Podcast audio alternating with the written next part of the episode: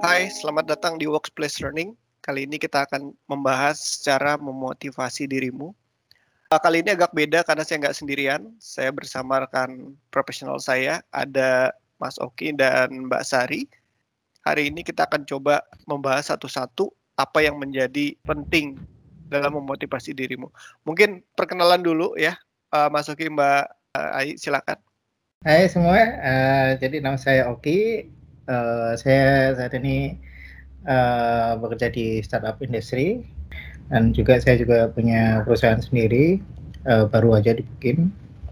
Gitu. Silakan Mbak Sari.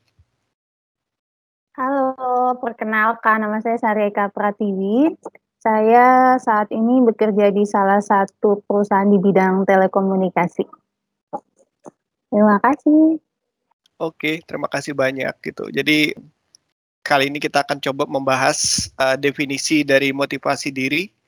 Kemudian kita juga akan coba ngulik sedikit ya tentang cerita motivasi diri dari pengalaman masing-masing dan total pengalaman kita kalau kita dikombin itu ada sekitar 30 tahunan uh, kita uh, profesional dalam dunia kerja pasti banyak tantangannya di sana kemudian uh, terakhir juga ada cara menumbuhkan motivasi diri ya nah ini penting bagaimana cara kita uh, memulai gitu uh, apabila kita mengalami kondisi-kondisi yang yang sangat berat ya dalam dunia dunia kerja ataupun mungkin dalam personal life gitu nah masuk ke pembahasan pertama nih tentang definisi motivasi diri uh, saya ingin tahu ya apa sih definisinya menurut uh, Mas Oki dan Mbak uh, Sari ya terkait dengan ini?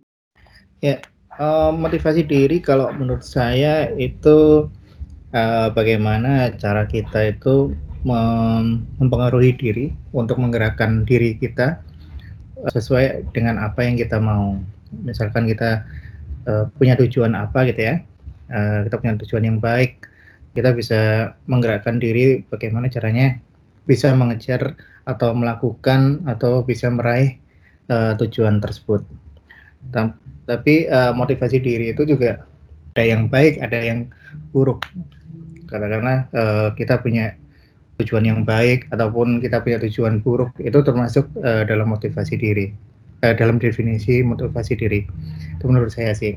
Menarik ya. Jadi tadi dikatakan ada definisi uh, terkait motivasi diri yang juga dia baik, kategori dan juga buruk ya. Mbak Ai gimana?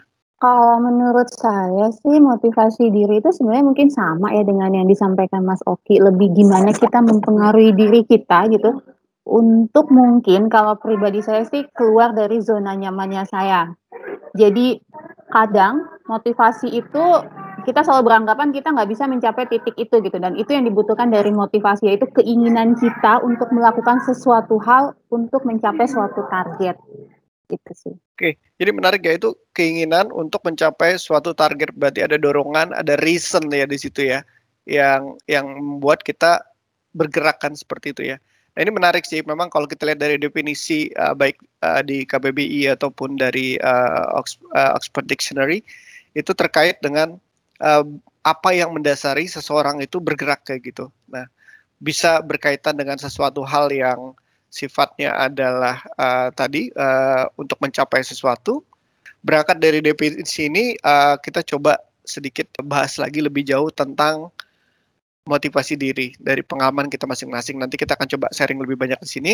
Bisa nggak ceritakan terkait dengan apakah Anda pernah mengalami kondisi at the lowest point in your life, and then bagaimana kita cope with that gitu ya, mengatasi itu. Kemudian apa sih yang membuat kita itu jadi kuat ya dalam dalam um, apa namanya bisa move on gitu nggak terlalu lama untuk uh, kecewa segala macam gitu ya nah silakan nih siapa yang mau cerita duluan boleh boleh aku dulu mungkin ya hmm, jadi kalau misalkan tentang cerita pengalaman motivasi diri gitu ya sebenarnya pengalaman itu pasti biasanya ada dua gitu entah masalah personal ataupun masalah di kantor gitu kalau masalah personal apa sih sebenarnya gitu yang pernah membuat saya pada kondisi yang paling terbawah gitu ya.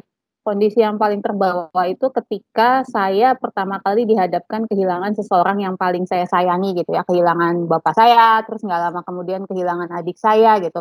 Nah, itu memang membuat saya sendiri jadi dalam kondisi yang paling bawah gitu ya. Saya merasa jadinya, kenapa ini harus nimpa ke saya pada saat ini ya gitu loh. Saya seolah pertama-tama kayak nggak bisa nerima kondisi itu gitu.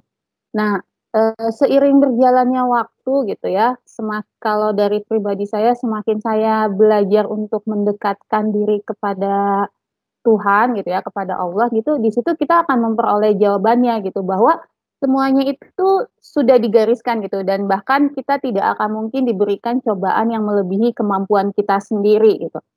Itu sih yang membuat saya belajar dan poin pentingnya mungkin yang paling saya rasakan adalah jangan pernah kita berharap sama orang gitu. Karena dalam artian berharap sama orang kita jangan pernah apa ya, mungkin istilahnya lebih kayak naruh pundak kita ke orang lain untuk menangis. Karena in the end gitu ya semua orang itu kita akan merasakan kehilangan gitu. Dan kita akan menjadi orang yang bodoh banget ketika kita itu tergantung sama orang yang selama ini menjadi pundak kita untuk tempat kita menangis gitu. Jadi ya emang kalau untuk masalah personal seperti itu ya bangun diri sendiri temukan kenali apa yang menjadi poin plusnya untuk kita gitu ya apa justru kalau bisa dibalik ketika kita terpuruk, apa yang bisa kita lakukan untuk orang lain deh supaya itu bisa setidaknya membantu kita, membuat kita merasa lega, ternyata kita masih berguna buat orang lain. Itu sih kalau misalkan pengalaman pribadinya saya gitu. Kalau pengalaman di kantor gitu ya, uh, mungkin sama ya, sekarang itu semua orang disuruh katanya belajar tentang digital gitu. Nah, pertama kali saya gitu disuruh dari kantor untuk jualan tentang produk-produk digital, which is yang saya sebenarnya nggak ngerti itu produk apa, bahkan customernya mau yang disasar apa gitu ya. Cuma kembali lagi sih, saya pernah dapat pelajaran gitu ya di salah satu buku tentang winning mindset. Jadi winning mindset itu sebenarnya life life is 10% what happened to me and 90 90% of how I react to it gitu. Jadi ternyata hidup itu gimana 10 persennya tuh dengan apa yang kejadian dengan saya dan bagaimana 90 persennya gimana saya untuk merespon hal itu gitu yang kejadian sama saya. Nah ternyata setelah saya baca buku itu gitu ya, ketika saya bilang saya bingung nih mau kayak gimana gitu, menurut saya ini ngerasa nggak adil kenapa uh, harus saya atau enggak beberapa tim saya gitu yang dipilih padahal sebenarnya di divisi itu banyak lah gitu. Seharusnya bekerja sama itu sama-sama gitu loh jualannya, jangan cuma saya aja. Nah, ternyata pas ngebaca si buku Winning Mindset ini itu emang benar gitu bahwa ya, ini bisa memotivasi kita gitu ya ketika winning mindset itu apakah bisa kita lakukan atau enggak gitu. Dan ternyata ketika kita mempunyai pola pikir bahwa winning mindset itu bisa dibentuk dan ternyata itu bisa gitu loh. Jadi hal yang pertama saya lakukan gitu ya, saya coba mengubah mindset saya, saya coba untuk memenangkan itu gitu ya. Misalkan kayak saya ngebangun visi saya gitu. Terus kadang saya juga membuat menjadikan bahwa oke okay, semua risk itu adalah opportunity buat saya. Saya bisa menjadikan itu suatu opportunity which is nanti ke depannya ketika nanti semua orang itu melihat saya, oke, okay, Ai ternyata kamu bisa jualan itu gitu. Itu sih yang saya harapkan karena saya mengambil peluang itu di mana sebenarnya orang mikir peluang itu adalah sebuah resiko gitu. Terus yang ketiga never give up. Mungkin kalau never give up ini kita sering tahu ya eh, pengalaman saya saya tuh kalau bisa dibilang menjualan ke beberapa perusahaan let's say lah misalkan saya di tahun kemarin itu ke 150 perusahaan gitu ya itu yang ditolak itu lumayan banyak bahkan sampai tiga per empatnya mungkin saya ditolak gitu. Tapi ya itu sebagai dasar saya bahwa ya ini pembelajaran gitu loh. Kalau misalkan kita udah nyerah di sini itu tidak akan menghasilkan hal yang bisa kita banggakan suatu saat gitu. Bahkan kalau saya bilang ini baru permulaan gitu untuk saya belajar gimana sih rasanya ditolak-tolak sama perusahaan ketika menawarkan suatu barang gitu Terus yang keempat biasanya yang saya lakukan itu adalah avoid toxic, toxic people. Jadi ini tuh penting banget. Kalau menurut saya, saya itu berusaha meminimalisasi berdiskusi atau ngobrol dengan orang-orang yang ternyata itu hanya membuat toksik aja. Mau nggak mau, percaya atau nggak percaya, di lingkungan kerja itu pasti ada yang kayak gitu. Dan menurut saya yang saya perlukan adalah saya menghindari orang itu dan mencari orang-orang yang memang bisa memberikan saya motivasi tambahan nih untuk saya bisa tetap lebih maju gitu. Nah, kemudian yang terakhir mungkin yang saya lakukan adalah play to learn. Jadi gimana sih winning mindset itu bisa sampai play to learn gitu ya. Semua yang saya lakukan gitu yang ditargetkan untuk saya di perusahaan, saya buat itu kegagalan itu bukan akhir dari segalanya gitu. Tapi banyak hal pembelajaran yang bisa kita ambil dari sana untuk bisa kita combine dan kita pelajari memberikan yang lebih bagus lagi. Gitu sih Dim, kalau dari aku gitu. Jadi yeah. kalau dari kerjaan mungkin lebih ke aku coba nerapin untuk winning mindset tadi gitu. Hmm, hmm. Itu impresif banget ya kalau aku lihat tadi uh, ceritanya baik dari personal level kemudian uh, office level. Nah, sekarang kita coba uh, sedikit ngulik dikit di sisi personal level ya. Itu kan tadi dari faktor uh, internal ya. Memang memang kita harus bergantung sama Allah gitu ya Tuhan kita. Kemudian ada nggak sih faktor eksternal gitu ya? Ini mungkin uh, Mas Oki boleh juga nanya juga ke Mbak Ai ya. Jadi faktor ek, eksternal apa yang yang berperan di personal life? Apakah anda juga uh, ibaratnya kalau kita tuh mencari nasihat atau meminta nasihat dari orang terdekat atau seperti apa ya? Hmm, itu iya sih pasti jadi kalau aku tipikal mungkin orang yang kalau misalkan orang melihatnya mungkin aku kayak ekstrovert gitu gitu ya. Jadi memang kadang orang uh, aku sendiri itu perlu untuk butuh nasihat, butuh dukungan gitu. Tapi ya itu lagi sih, kembali lagi pada akhirnya memang kita akan ceritanya gimana ya lebih ke arah kita akan ceritanya kepada Allah sih kalau aku pribadi ya yang aku alami gitu loh. Memang nasihat-nasihat itu penting banget sih terutama masalah dukungan mungkin ya. Ketika ketika dalam keadaan terpuruk dukungan dari sekitar itu yang paling penting. Karena ketika dalam level itu kalau aku ngerasanya itu ketika kita dalam posisi bawah banget ya ngerasanya orang yang melakukan perhatian sekecil aja gitu ya. Misalkan kayak cuma bilang uh, Ai kuat ya gitu, Ai turut berduka ya, Ai aku yakin kamu bisa gitu. Let's say kayak misalkan tiba-tiba cuma masalah simpel mungkin ya uh, ngasih ngirim makanan tiba-tiba biar kamu nggak capek gitu. Biar kamu tetap kuat gitu. Udah merupakan suatu menurut aku motivasi tersendiri ya buat aku bahwa wow orang-orang ini segitu aware-nya gitu loh sama aku. Let's say lah kayak kita sekarang mungkin ya. Ketika ada orang yang kena covid atau apa mungkin kan beberapa orang ada yang takut malahan atau enggak kayak yang panik gitu ya takut nanti jangkit atau apa. Memang iya semua kita pasti takut lah ya untuk kejangkit itu. Tapi mungkin pengalaman dari suami aku sendiri gitu ya ngalamin itu tuh mereka lagi butuh untuk kita aware sama mereka meskipun cuma perhatian kecil gitu jadi ya. memang awareness itu juga mungkin kita perlukan kali ya. Ya ini ini menarik nih karena memang uh, faktor eksternal itu kan berkaitan dengan lingkungan sekitar kita ya. Um, jadi ketika semua orang itu memberikan uh, pay attention gitu kepada apa yang menjadi uh, suka duka kita sedikit banyak itu uh, membantu sih. Walaupun bukan langsung direct gitu ya bantuannya ya. Kita sih paling uh, lebih butuh bantuan support secara moral mungkin gitu. Hmm. bener nggak ya Mas Oki kira-kira begitu nggak ya? Iya benar Dim. Itu sangat membantu sekali. Ya jadi aku lihat aku lihat sih memang uh, yang kayak gini-gini juga aku pernah uh, apa namanya uh, mengalami ya. Misalnya kayak dulu waktu pertama kali punya anak gitu kemudian uh, mungkin kan kita dituntut ya kalau uh, best practice-nya kan memang harus ada ASI gitu ya. Dan uh, tantangannya adalah ketika uh, itu sulit dilakukan mungkin dari uh, influence keluarga lain ya udah pakai iya. support aja gitu pakai support aja padahal yeah, kan kita yeah, pengennya kan asik gitu ya nah ini kadang yeah. dilema gitu jadi dilema uh, namanya kita baru uh, keluarga muda gitu ya yang pengalamannya juga belum pernah gitu punya anak gitu tapi kita pengen idealis jadi itu malah membuat uh, malah aslinya jadi nggak lancar gitu ya karena nggak nggak ada support yang proper gitu nah iya, ini betul. sama sama halnya dengan eksternal ini ya dikatakan bayi tadi jadi aku rasa sih uh, dari internal juga ada gitu kita dekat gitu. Kemudian dari eksternal juga menciptakan lingkungan yang benar-benar suportif secara moral itu sangat penting ya di sini.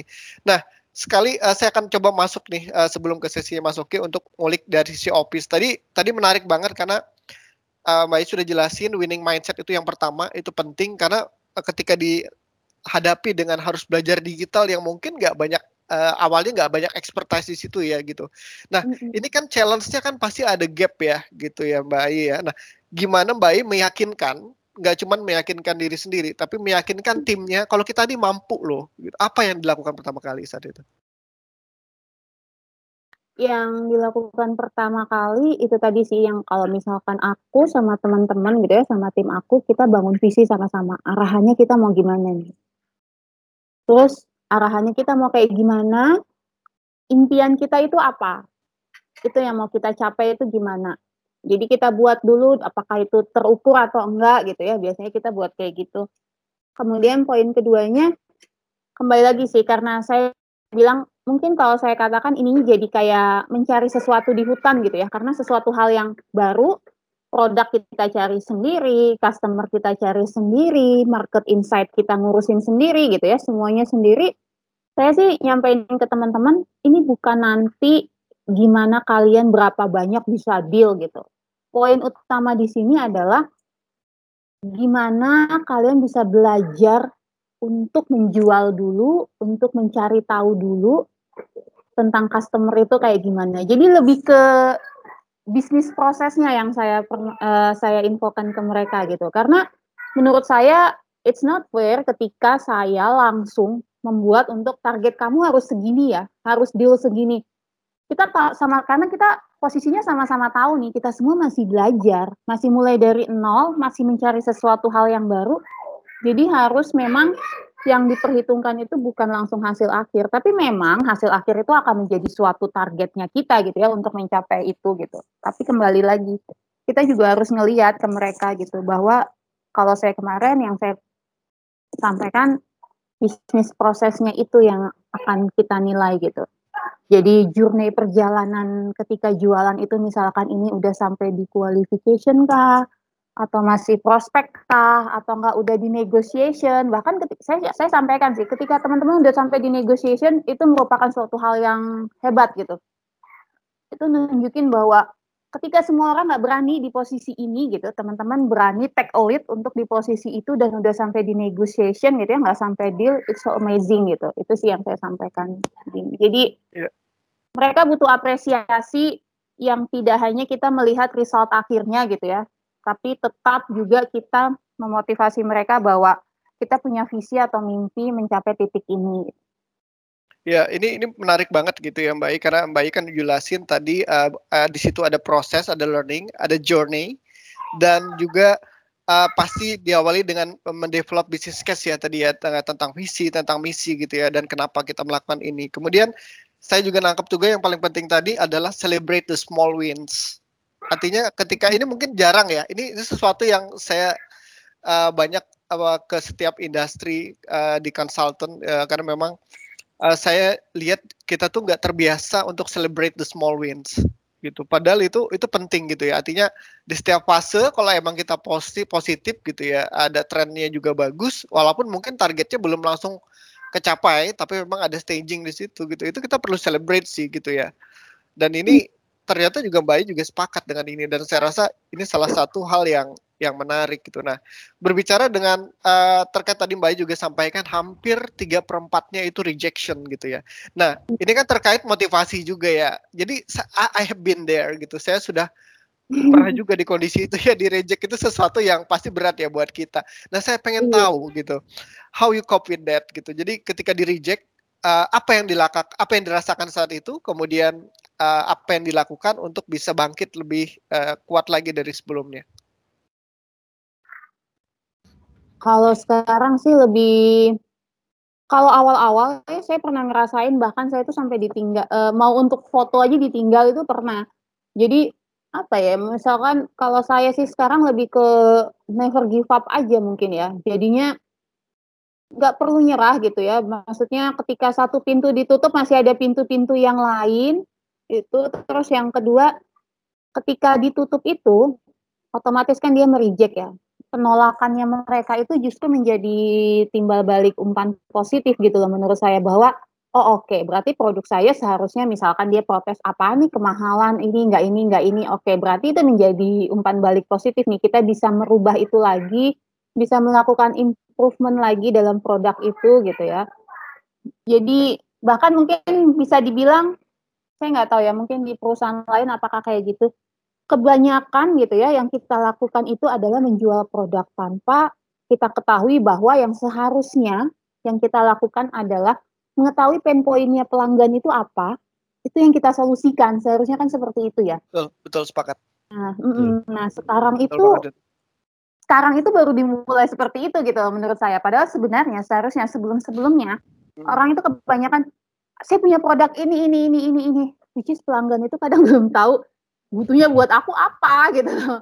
Yeah. Nah, seharusnya itu yang dibalik sih betul, sebenarnya. Betul banget sih. Uh, dan dan dan tahu nggak hampir hampir sekitar 80% lebih kegagalan digital transformation itu karena memang dia tidak menjelaskan problem yang ada di organisasi tersebut gitu ya. Jadi hmm. itu benar banget sih baik ketika kita mencoba develop produk ya harusnya itu address problem sih gitu ya bukan uh, cuman kita bikin produk fancy banget gitu ya kita deliver ke market tapi market nggak butuh gitu ya begitu nggak sih Mas Oki? Iya betul Dim. Uh, jadi uh, karena basicku kan emang uh, dikonsultan gitu ya.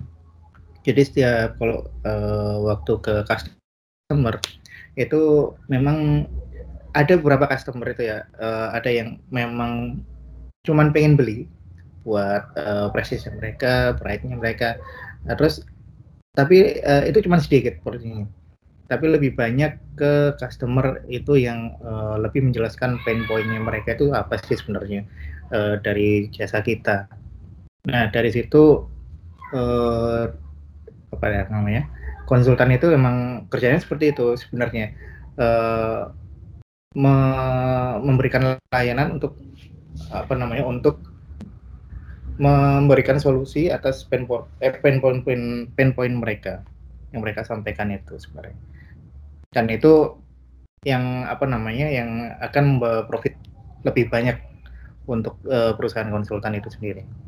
Ya, sepakat sih gitu dan dan tadi lesson learn-nya adalah uh, dari Mbak I tadi memang ketika di, di reject gitu ya karena memang kita nggak deliver apa yang mungkin uh, meet dengan needs customer gitu atau klien ya itu yang menjadi ibaratnya kita jadi belajar dari situ terus ketika kita nanti maju lagi untuk next pitch gitu ya uh, proposal berikutnya kita lebih better sih prepare da, dibanding dengan kompetitor kita ya.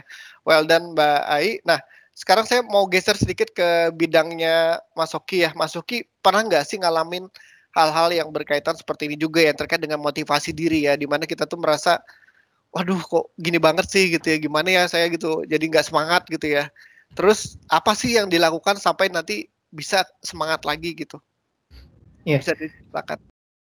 Um, kalau berkaitan dengan dunia profesional sih emang banyak banget tim uh, cerita-cerita seperti itu. Jadi semisal ya uh, mungkin satu contoh uh, di perusahaan saya, uh, sorry, uh, yang di perusahaan yang tempat saya bekerja sekarang, um, di sana kan memang banyak sekali uh, orang-orang India yang beda banget culture-nya dengan uh, orang-orang Indonesia.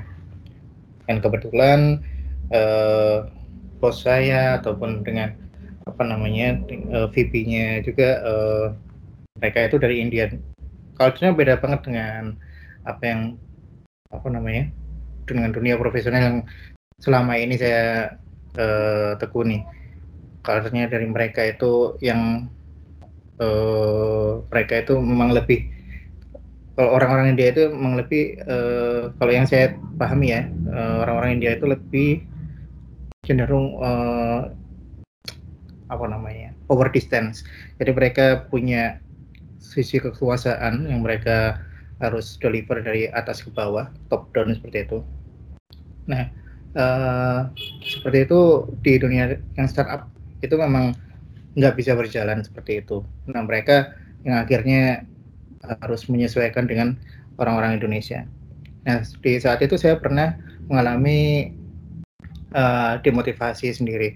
Jadi saya waktu itu pernah mengalami masalah komunikasi dengan mereka, eh, bagaimana komunikasi dengan mereka itu memang agak susah dengan orang India itu. Kadang mereka yang kadang salah satu yang ngomongnya terlalu cepat, ngomongnya terlalu pelan. Terus saya harus mendengarkan mereka itu harus dengan benar-benar seksama. Terus kalau uh, mereka juga kadang memberikan apa namanya uh, delegasi tugas itu juga kadang nggak sesuai dengan uh, ekspektasi perusahaan, ekspektasi divisi atau seperti apa. Nah kadang-kadang itu yang bikin demotivasi saya. Tapi setelah itu uh, saya memotivasi saya sendiri, diri saya sendiri dengan hmm, saya lebih uh, apa namanya memotivasinya itu lebih ke arah ini aku itu uh, kerja di perusahaan sekarang uh, karena memang ingin memberikan solusi yang terbaik untuk uh, sosial uh, sosial impact ya. Karena memang di startup yang saya tekuni ini adalah uh, social impact. Jadi meskipun saya punya bos yang nggak nggak ngenakin uh, untuk di environment di lingkungan kerja saya tetap bagaimana cara saya itu uh, tetap fokus kepada social impact yang diberikan ma oleh masing-masing karyawan karena memang masing-masing karyawan itu mem, uh, harus mempunyai value-value yang harus diterapkan di perusahaan itu seperti itu sih. Ya, itu itu menarik ya. Tadi ada terkait dengan language, kemudian culture, juga ada alignment dari sisi tugas gitu itu yang membuat uh, demotivasi juga ya dan dan tadi juga uh, Mas Oki katakan kalau untuk COVID that ya dengan fokus kepada social impact yang saya berikan gitu ya. Nah, saya mau yeah. coba tanya lebih dalam lagi, uh, what is the biggest challenge working in in startup? Karena ya saya saya pernah dengar gitu ya, memang workloadnya luar biasa, uh, very demanding dan uh, work tenure-nya pendek sekali jika dibandingkan dengan uh, mungkin industri-industri yang ada di Indonesia ya kurang yeah. dari dua tahun itu uh, ada yang setahun sudah move lagi gitu ya itu apa sih sebenarnya challenge-nya dan buat orang-orang yang belum kenal dunia startup seperti saya mungkin juga Mbak I juga ya dan lain-lain uh, apa sih yang menjadi challenge dan gimana sih supaya kita bisa sukses di situ? Ya, challenge-nya itu sebenarnya ini uh, big challenge-nya uh, bagaimana uh, startup itu bisa memenuhi uh, kebutuhan customer secara uh, apa namanya startup ini kan pasti punya target pasarnya ya. Nah uh, kebetulan untuk yang startup yang saya tempat kerja ini memang uh, social impactnya um, hampir menyeluruh ke uh, di secara nasional. Jadi mereka harus challenge-nya mereka, challenge-nya startup ini memang harus bisa mengikuti kemauan pasar. Nah, dari kemauan pasar itu yang yang yang bisa membuat banyak keputusan keputusan-keputusan itu yang uh, menjadi fleks, sangat fleksibel sekali. Jadi kebijakan itu sangat fleksibel di dunia startup. Jadi dari apa namanya kalau misalkan di perusahaan biasa uh, non startup maksud saya mereka kan pakai KPI gitu ya. KPI di set selama setahun ke depan seperti apa. -huh. Nah kalau yang di dunia startup uh, kita pakai OKR namanya Object Key Result di mana OKR itu di untuk setiap divisi, untuk setiap departemen, untuk setiap karyawan. Jadi semua masing-masing uh, karyawan itu punya target sendiri. Nah, di mana OKR ini juga bisa di set uh, selama tiga bulan ke depan atau enam bulan ke depan atau ataupun satu tahun. Nah, kalau yang setahun itu kemungkinan besar uh, target perusahaan seperti itu. Tapi untuk yang target tiga bulanan itu uh, langsung cenderung ke karyawan itu sendiri. Nah, uh, kenapa banyak orang yang di startup di startup itu karyawannya paling uh, paling lama setahun setengah itu udah pindah. Uh, kalau yang saya pernah dengar ya uh, dari dari mereka itu memang kurang cocok kadang ada uh, kurang cocok culture-nya kurang cocok sama uh, target resultnya karena target resultnya itu memang katakanlah ya uh, ada sekian persen harus di achieve. Nah karena mereka nggak bisa achieve, akhirnya di performance-nya menurun seperti itu. Hmm, nah akhirnya okay, efek ke uh, performance review ke mereka mereka itu sendiri. Nah akhirnya yang itulah yang kadang kadang-kadang bikin kita uh, jadi demotivasi kerja jadinya. Oh jadi memang uh, kalau saya coba review lagi, memang uh, big challenge-nya tadi ya terkait dengan uh, customer need, memang harus fulfill dan itu juga uh, apa skupnya juga luas ya. Dan hmm ada decision yang sangat fleksibel sekali. Artinya kalau saya bisa lihat uh, itu seperti dinamika kerjanya tuh uh, mungkin hitungan detik ya, bukan jam atau bukan hari ya. Hitungan iya. detik yeah. tuh decision tuh bisa berpengaruh. Nah, menariknya gini, challenge-nya adalah gini. Uh, for example, uh, Anda kerja gitu, udah udah prepare sesuatu dengan sangat baik dengan lama tiba-tiba berubah nih decisionnya. Apa artinya kan Anda harus restart lagi. Nah, ini kan challenge ya. Pasti mempengaruhi motivasi kita gitu. Nah, hmm. apa yang dilakukan biasanya ketika kita kondisinya seperti ini? Oh, kok udah berubah lagi sih gitu. Jadi saya harus prepare lagi nih. Uh, artinya uh, mengambil waktu yang lebih banyak lagi dari yang dari yang udah kita ambil pertama kali gitu. Nah, how you cope with that? Ya, uh, yang pertama dilakukan adalah uh, ini apa namanya? Uh, kita pastinya bikin meeting, meeting dengan tim, di mana kita menyelaraskan uh, target target target kita. Kayak misalkan uh, dari departemen ya untuk uh, ada kebijakan yang berubah ataupun keputusan yang berubah di masing-masing divisi ataupun di departemen, nah kita pasti melakukan uh, internal meeting untuk itu. Dari gimana kita set uh, gimana goals kita selama beberapa bulan ke depan. Lalu dari uh, goals kita apa kita set juga apa yang harus kita lakukan, action itemnya seperti apa, gitu. Nah untuk yang masalah motivasi masing-masing karyawan itu memang harus setiap karyawan itu di diharapkan bisa memotivasi dirinya sendiri karena di uh, startup itu memang striving banget kan employee itu. Nah, uh, masing-masing karyawan juga harus ini harus bisa memotivasi teman kerjanya juga. Nah itu yang kadang uh, di uh, di tiap startup itu ada beberapa uh, karyawan itu yang memang individual banget. Ada yang okay. ignore ignore sama teman-temannya Nah, uh, kalau di tempat saya yang sekarang itu memang dari HR ataupun ada namanya itu people partner. Nah, mereka uh, membuat suatu suatu apa namanya? suatu arahan untuk uh, semua karyawan itu bisa memperhatikan teman kerjanya, teman di sampingnya. Karena teman uh, di samping itu memang orang-orang uh, yang mungkin terkena demotivasi kerja karena uh, banyak hal yang membuat uh, mereka seperti itu. Nah, mereka diharapkan bisa membuat teman kerja ini uh, kembali lagi motivasi sendiri. Ya. Ini menarik ya karena memang dengan fleksibilitas yang sangat tinggi tadi uh, juga harus agile, kemudian hmm. juga collaboration itu menjadi culture kan gitu jadinya ya artinya nggak bisa jalan sendiri-sendiri karena uh, kita butuh support juga dari orang uh, kanan kiri kita. Nah, uh, Mbak Ai, mungkin ada pertanyaan nggak buat Mas Oki? Apakah uh, baru uh, mendengar hal ini pertama kali atau sebenarnya udah tahu sebelumnya?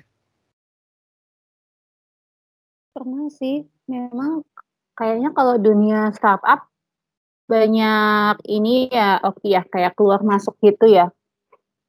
Iya betul. Iya, terus aku ya. juga pernah dengar sih itu. Jadi memang kalau di tempatku biasanya kita tuh kayak ada culture gitu. Jadi kayak ada yang jadi culture agent gitu ya. Itu tuh biasanya kita ya kita kita gini lah eh, teman-teman milenial gitu yang akan jadi culture agent gitu. Kemudian nanti kita bikin suatu program-program memang terkait untuk mendeliver culture itu sih. Jadi memang kayaknya bukan karena di startup juga atau gimana ya, tapi memang aku juga ngelihatnya gitu sih. Kita-kita sekarang ini kalau sedikit aja misalkan nggak sesuai dengan maunya kita gitu ya, keluar masuk itu banyak sih kejadian. Cuma mungkin memang kalau di tempat tuh karena mungkin ada harus terikat kontrak 3 tahun atau 5 tahun terlebih dahulu gitu ya, jadi nggak bisa keluar masuk dalam beberapa tahun itu gitu. Tapi kayaknya polanya memang gitu ya, itu yang mungkin harus kita temukan mungkin ya terkait kenapa banyak orang sering keluar masuk ketika langsung ketemu bahwa ini nggak sesuai dengan istilahnya dengan mimpinya dia mungkin ya, dengan keinginannya dia, targetnya dia gitu. Ya, yeah. itu sedikit banyak juga pengaruh sama motivasi pekerjaannya juga ya gitu. Artinya apa sih yang mendrive kita gitu terkait dengan uh, yang ingin kita capai apakah itu karir apakah itu memang uh, tantangan gitu ya. Dan dan ketika kita merasa apa namanya uh, drop banget gitu di lowest point kita dan tadi kalau dari saya pribadi gitu ya karena saya tuh memandang setiap hari itu terisolasi dengan dengan hari sebelumnya gitu. Begitu juga dengan masa depan. Artinya apa? Uh, ketika bangun pagi ketika memulai pekerjaan tuh saya sih mindsetnya selalu ah saya harus lebih baik nih dari kemarin gitu dan dan apa namanya esok itu itu juga harus lebih baik dari hari ini gitu. Jadi memang kalaupun kemarin saya sukses belum tentu saya sukses hari ini. Kalaupun kemarin saya gagal, saya belum tentu gagal hari ini.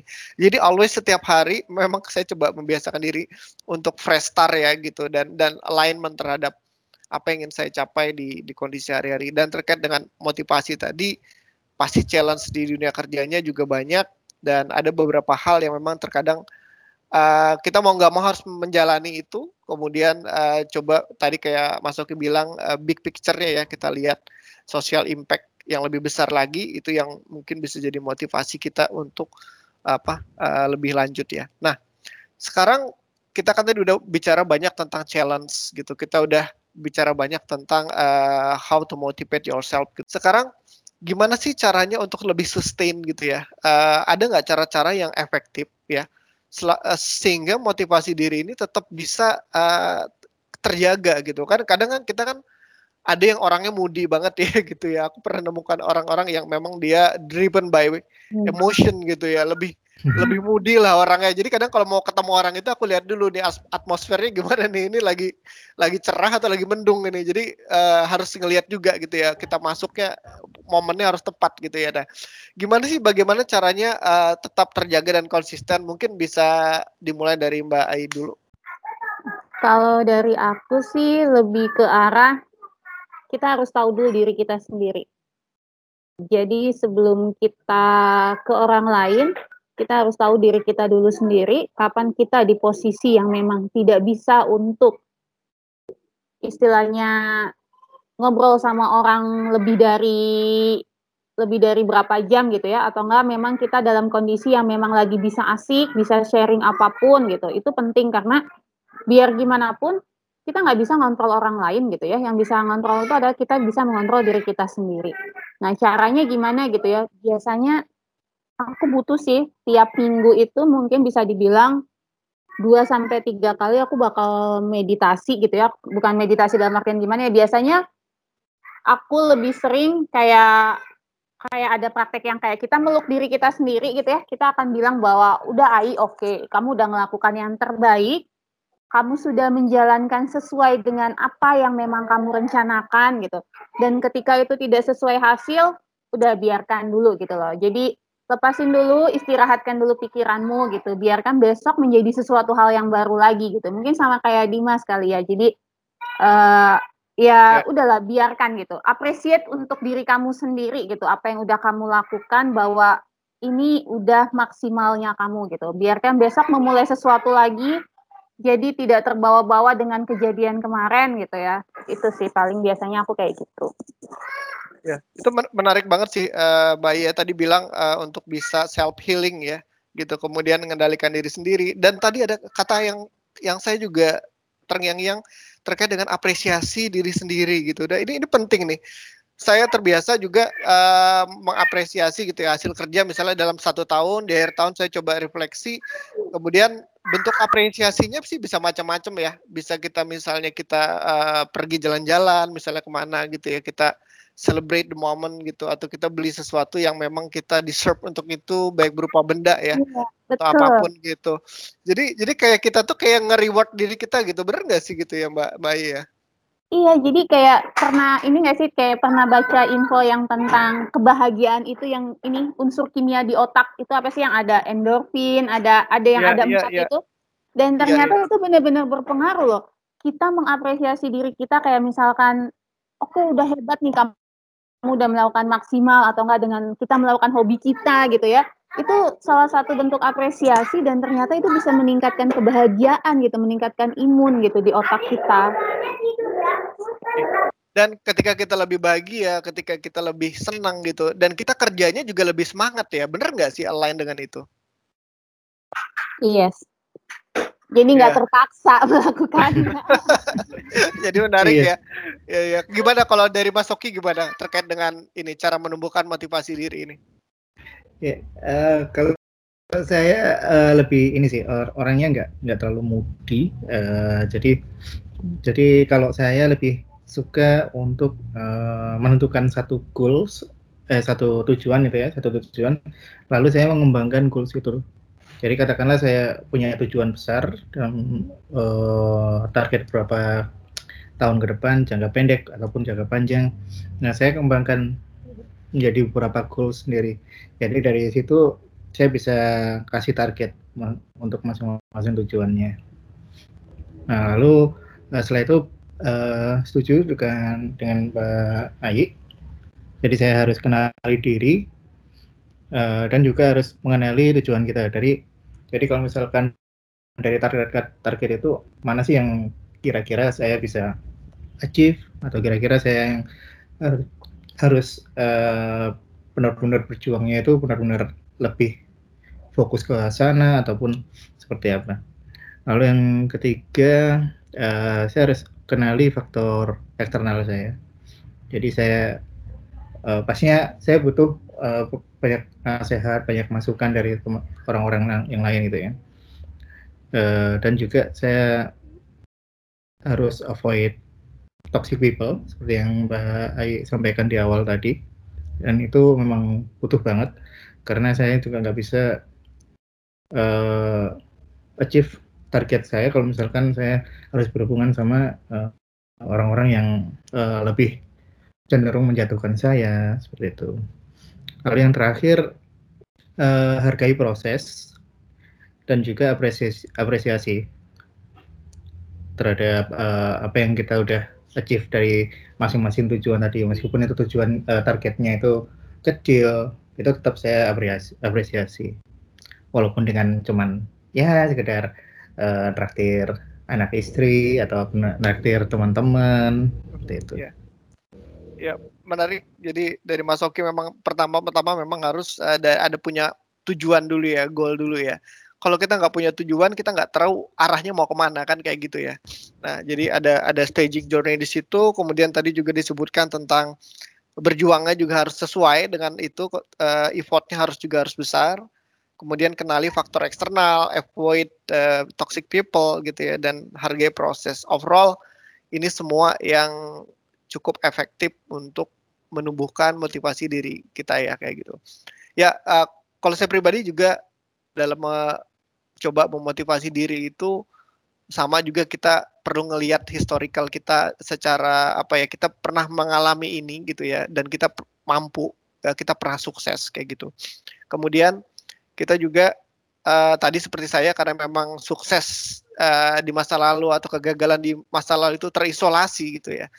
Eee, artinya ya kita harus restart, refresh gitu. Kita nggak bisa juga kita bilang, "Oh saya pernah sukses," eee, ibaratnya, eee, belum tentu juga kita sukses hari ini gitu. Jadi tetap, eee, usahanya harus memang, eee, itu tidak membuat kita istilahnya jumawa gitu ya, tapi tidak juga membuat kita jadi, nggak semangat kayak gitu ya. Tetap aja confident dengan diri kita gitu. Kemudian, eee, refleksi itu penting, eee, entah Anda mau refleksinya seminggu, sebulan, setahun, atau mungkin setiap hari ya, lebih bagus juga gitu.